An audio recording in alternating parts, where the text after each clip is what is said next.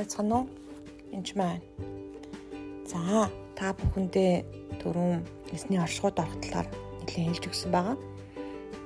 Тэгэхээр дараачийн шат бол итгэлийн шат юм байна.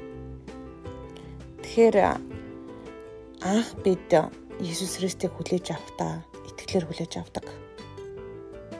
Та маш хүртэн хүн бай гэж бодъё л доо.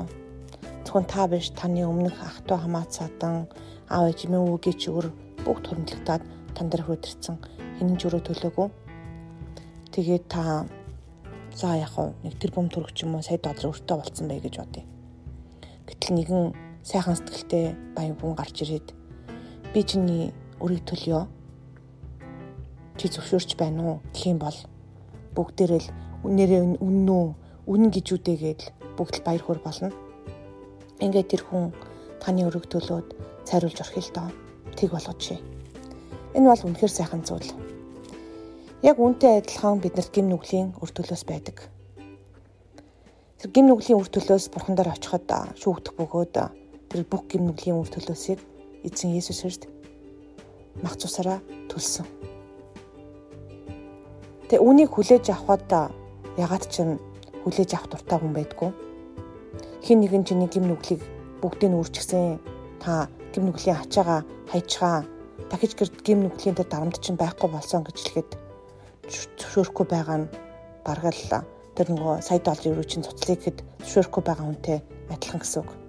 Хамралтаа нь бид нэр сүнсний маш хүлээстэй учраас тэр бүгдийг хүлээж авахд хэцүү байдаг.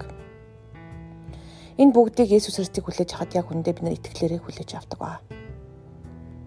Тэгэхээр бид нар Библийн ишлүүдийг ойлгохдоо жишээл Бурхны хаанчлал таны дотор байна гэж хэлэхэд бол яг яг толгоогоороо ч юм уу тархаараа ухаан ойлгоно гэдэг ямар ч боломжгүй зүйл.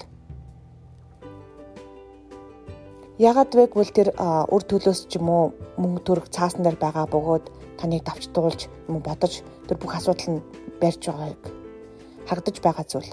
Харин харагдахгүй байгаа нүгэл болон нүглийн үр төлөөсийг та үнэхээр харж чадахгүй учраас хэлж мэдэхгүй.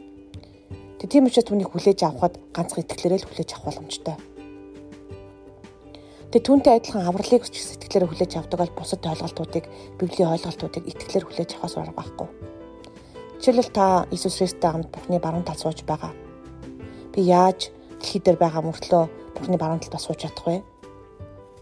Яаж энэ би дэлхий дээр ч айлныг усад байгаа мөртлөө Бурхны хаанчлалд алхаж чадах вэ? Энэ бүх зүйлийг ойлгох гэж, толгоор ойлгох гэж оролдох юм бол та төөрч бодолж орхино Итгэл гэдэг бол үнэхээр харагдахгүй байгаа зүйлийг зүгээр одоо самс огт харагдахгүй хов хоосон зүйлд итгэнэ гэсэн үг юусоо биш. Яг үндэ сүнслэг ертөнцид маш тодорхой харагдаж байгаа зүйл. Харамсалтай нь хүмүүс сүнсэндээ харж чадахгүй учраас тэрийг байхгүй гэж боддог. Харсан ч гэсэн зарим нь тоохгүй байдаг. Үл ошоодог. Тэр Библийг уншихдаа та толгоогоороо ойлгох гэж оролдох юм бол ерөнхийдөө унж байгаа л хэрэг харин итгэлээрээ хүлээж авах ёстой.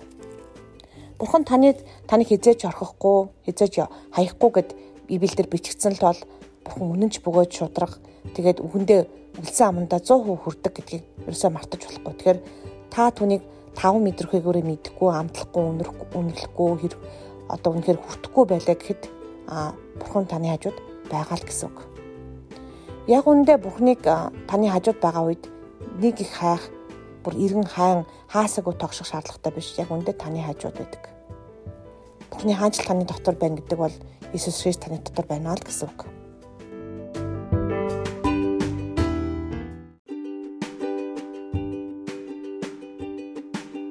Тэгэхээр дараачийн алхам бол залбирах үедээ итгэлээр эзэн дээр ирэх.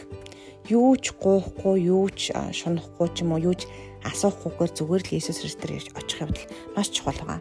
Тэгээд зүгээр зүртгэлээ даруусган түүний хажууд очих үед яг л бурхан үнэхээр шагнадаг бас бэлэг өгдөг байгаа.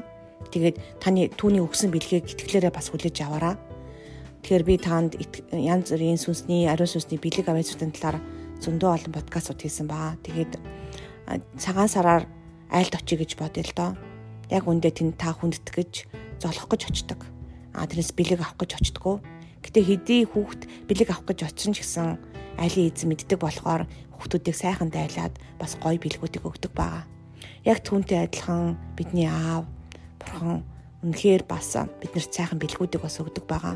Та чин сэтгэлээсээ түүнийг эрен хаан тэгээд очих үед үнэхээр та гайхамшиг харах болно. Тэгээ энэ үед та бэлгүүдээ бас хүлээж аваараа, итгэлээр хүлээж аваараа. Таны өгсөн бэлгүү, танд өгсөн бэлгүүдийг тэгээд бас бэлгүүдээ бас битгий голоороо нэг удаа чамд бурхан мэрэгүү ухаан өгсөн байж тээ гэсэн чинь энэ мэрэгүү ухаанаар чинь би яад юм бэ? Надад тан шиг эдгээдэг бэлэг хэрэгтэй ингэж хэлжсэн. Яг тийм биш. Тэгээд тухайн хүн маань маш их тийм үр зээлтэй эмгтэй байсан. Тэгээд үгээ чи өрзөөлөөсөө гарах мэрэгүү ухааныг өгсөн байна бурхан чаа.